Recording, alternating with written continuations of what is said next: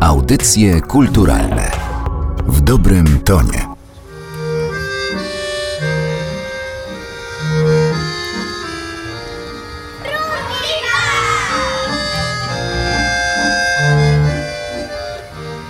Dźwięki Katarynki Brundibara po raz pierwszy zagłuszały śpiew dzieci 75 lat temu.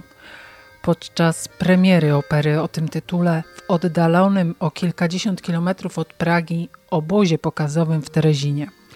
To tam kierowani byli intelektualiści, artyści, a także całe rodziny żydowskie z Czech, Niemiec, Austrii i Holandii. W ciągu ostatnich lat ta opera dziecięca z 1938 roku autorstwa czeskiego kompozytora Hansa Krasy wykonywana jest w różnych krajach świata, aby zachować pamięć o Holokauście. Przygotowana przez łódzkich artystów opera Brundibar jest częścią obchodów 75. rocznicy akcji Reinhardt oraz 75. rocznicy wybuchu powstania w getcie warszawskim. Przed zachodem niechwal dnia, bo ja jestem! Brundibar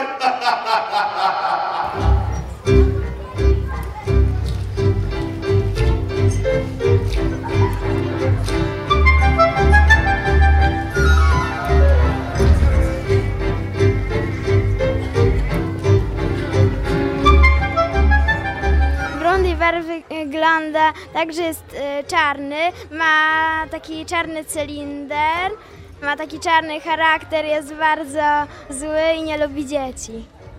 I Brundibar ma Katarynkę. No i ta Katarynka to chyba jest największy problem dzieci, ponieważ muszą ją zagłuszyć swoim śpiewem, żeby dostać pieniądze, a on musi kręcić tak, żeby je zagłuszyć.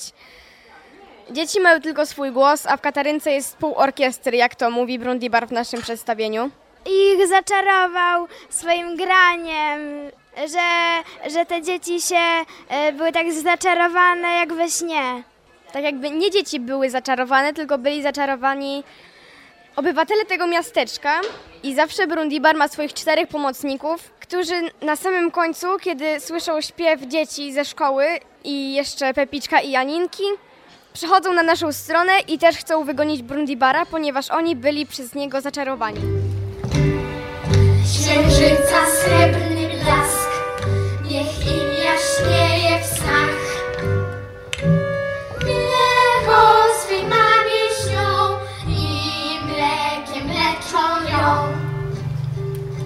Artur Hoffman, reżyser Brundibara i jednocześnie przewodniczący Towarzystwa Społeczno-Kulturalnego Żydów w Polsce. Przypominając Brundibara, możemy mówić o dwóch różnych rocznicach. Rocznica Nocy Kryształowej, a więc rok 38, czyli czas, kiedy to dzieło powstało. Powstało właśnie na skutek wydarzeń w Europie, pewnej czujności, którą wykazali się twórcy. Sama opera jest formą nieskomplikowaną, niedużą i w momencie, kiedy powstawała, lekko może odnosiła się właśnie do tych czasów, choć sama akcja jest y, banalna. Kataryniarz urasta tutaj do rangi pewnego propagandzisty, y, kogoś, kto uwodzi tłumy, więc to przełożenie, ta prosta metafora, która w 1938 roku przyświecała twórcom, wydaje się, że była na tyle skuteczna i tragiczna jednocześnie, ponieważ kiedy powstała premiera? Premiera tej sztuki pojawiła się w roku 1943 w obozie w Terezinie, w Terezjenstadt. I ten kontekst właściwie zmienia już wszystko, jeśli chodzi o przyjmowanie Brundibara. Brundibar poprzez właśnie ten kontekst miejsca, w którym był grany, zyskał nieśmiertelność w tym sensie, że wszystkie prawie sceny na świecie ważniejsze grały to. Często się to realizuje w sposób taki do, nawet dosłowny, czy jeden do jednego, że są inscenizowane bramy z napisem Arbeit macht frei, że to jest tak bardzo mocno w obozie. Ja uważam, że ta forma przedstawiania może jest skuteczna w innych krajach, gdzie jest mniejsza świadomość historyczna. I wtedy być może ta odrobina, nazwijmy to, łopatologii lepiej działa w krajach tak, nie wiem, jak Włochy, Wenezuela czy inne państwa, które mają mniejszą świadomość wydarzeń II wojny światowej. U nas oczywiście to przesłanie, czy ta pamięć jest również zachowana kontekstu. Tego się w żaden sposób nie da uniknąć i nie o to chodzi, żeby unikać, żeby właśnie wyeksponować pewne rzeczy. Y, co jest istotne, że przedstawienie to wtedy, kiedy powstało w Terezinie, było grane ponad 50 razy. Pamiętajmy też, że obóz w Terezinie był obozem tak zwanym pokazowym. Przez jakiś czas przyświecało to propagandzie III Rzeszy, żeby pokazywać, że niby to jest takie oczywiście ograniczone, zamknięte miasto, z taką autonomią i sobie tam funkcjonują, chodzą do teatrów i tak dalej. Oczywiście to, jak to z propagandą jest, było to zafałszowane i w efekcie wszyscy twórcy, wszystkie te dzieci zostały wiezione do Auschwitz. I tylko nieliczne jednostki, kilka osób, które grało w tym przedstawieniu, przeżyło. Nikt nie widzi dwojga dzieci i nie słucha nikt piosenki.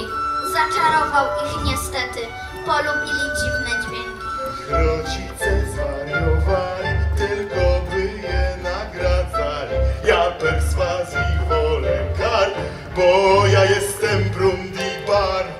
Y, Mam na imię Dawid i mam 11 lat. Gram Pepiczka. Pepiczek to jest y, brat Aninki, czyli Amelki. Amelka Dyl, mam 11 lat i razem próbują zdobyć mleko dla mamy, która zachorowała. Szukają pieniędzy, ponieważ są biedni, więc postanawiają zaśpiewać, żeby zarobić pieniądze. Ale zły Brundibar nie chce dopuścić do tego, żeby oni zarobili, więc zagłusza ich swoją katarynką. I wtedy nam pomagają zwierzęta, które zwołują wszystkie inne dzieci i razem przeganiamy Brundibara i śpiewamy. I wtedy mamy pieniądze i możemy kupić mleko od mleczarza. Sprzeda wszystko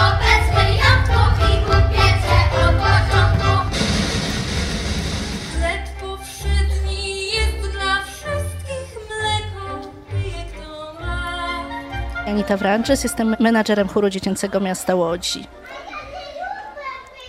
Nasz chór dziecięcy podjął się wykonania opery dziecięcej Hansa Krasy Brundibar, ponieważ jest to opera dziecięca właśnie, z bardzo pozytywnym przesłaniem, gdzie zło jest pokonane przez dobro. Muzyka nie jest typową muzyką operową. Są tam melodie, które wpadają w ucho, które dzieci mogą nucić nawet e, w czasie wolnym i nucą. Są kawałki muzyczne, gdzie tylko dzieci grają. Jest to ogólnie bardzo ciekawy wstęp dla dzieci do poznawania świata opery. I ponieważ jest to jednoaktowa opera, tak jak jest wystawiana, około 40-45 minut, polecam to wszystkim rodzicom z dziećmi, gdyż jest to wprowadzenie w fantastyczny świat opery. Ale bardzo poważny temat. Dramat dzieci, które próbują uratować chorą matkę i dla niej zdobyć pieniądze na mleko, rozwiązuje się fantastycznie, ponieważ udaje im się z pomocą koleżanek i kolegów, wszyscy razem udaje im się te pieniądze zdobyć wspólnym churalnym śpiewem. I scena, gdzie te dzieci śpiewają o tym, że właśnie w jedności siła, że dobro zwycięży, gdy wszyscy razem się połączą, jest tak budująca, jest cudownym przesłaniem.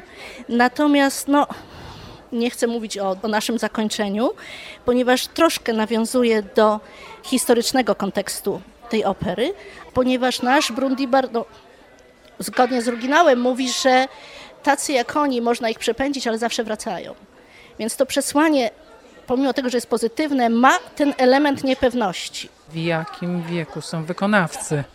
Najmłodsza dziewczynka na prapremierze jeszcze miała 5 lat, teraz ma 6, a najstarsza właśnie skończyła 18 lat. Większość dzieci to jest 10-12 lat. W chórze naszym jest około 40 dzieci. Wystawiliśmy już, była prapremiera nasza tutaj w Łodzi na Akademii Sztuk Pięknych i wzięło w niej udział 40 wykonawców. W tej chwili w Warszawie będzie około 35, ponieważ parę dzieci zachorowało. Dziewczynka ma egzamin gimnazjalny, druga też, więc około 35 dzieci. Z tymi dziećmi się cudownie pracuje. To są dzieci zdyscyplinowane, skoncentrowane, Bardzo wielu specjalistów, dorosłych specjalistów jest zaangażowanych we współtworzenie tego dzieła. Naszym chórmistrzem jest e, profesor akademicki Waldemar Sutryk, który dokonuje cudów z dziećmi i ma prawdziwą pasję do swojej pracy, tak jak i te dzieci. I tę pasję widać. Drugim pasjonatem jest pani Barbara Urzędowicz, wieloletnia kierowniczka Wydziału Wokalnego w Szkole Muzycznej tu w Łodzi, która uczy emisji głosu. Z małej myszki potrafi ryczącego lwa uzyskać i jest cudowną osobą, pełną pasji. No, ten chór został stworzony z pasji i to widać i słychać. Skoro już śpiewacie w operze, to teraz powiedzcie, jak się śpiewa z prawdziwą orkiestrą. Z prawdziwą orkiestrą tak naprawdę nie jest aż tak trudno śpiewać. Wystarczy patrzeć na naszego profesora, który, jeśli się na niego patrzy, umie dobrze wszystkim tym poprowadzić. Y, Jak słyszę orkiestrę, to od razu ta muzyka mi wpada w ucho i ją ciągle śpiewam. Niech biją bębny po,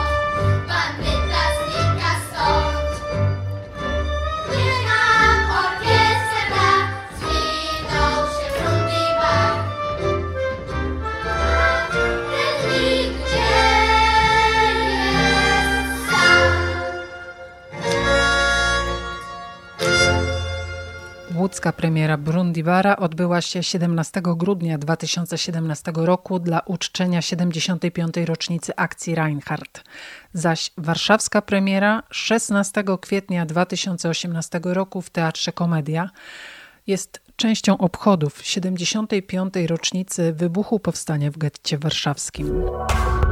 Audycje kulturalne w dobrym tonie.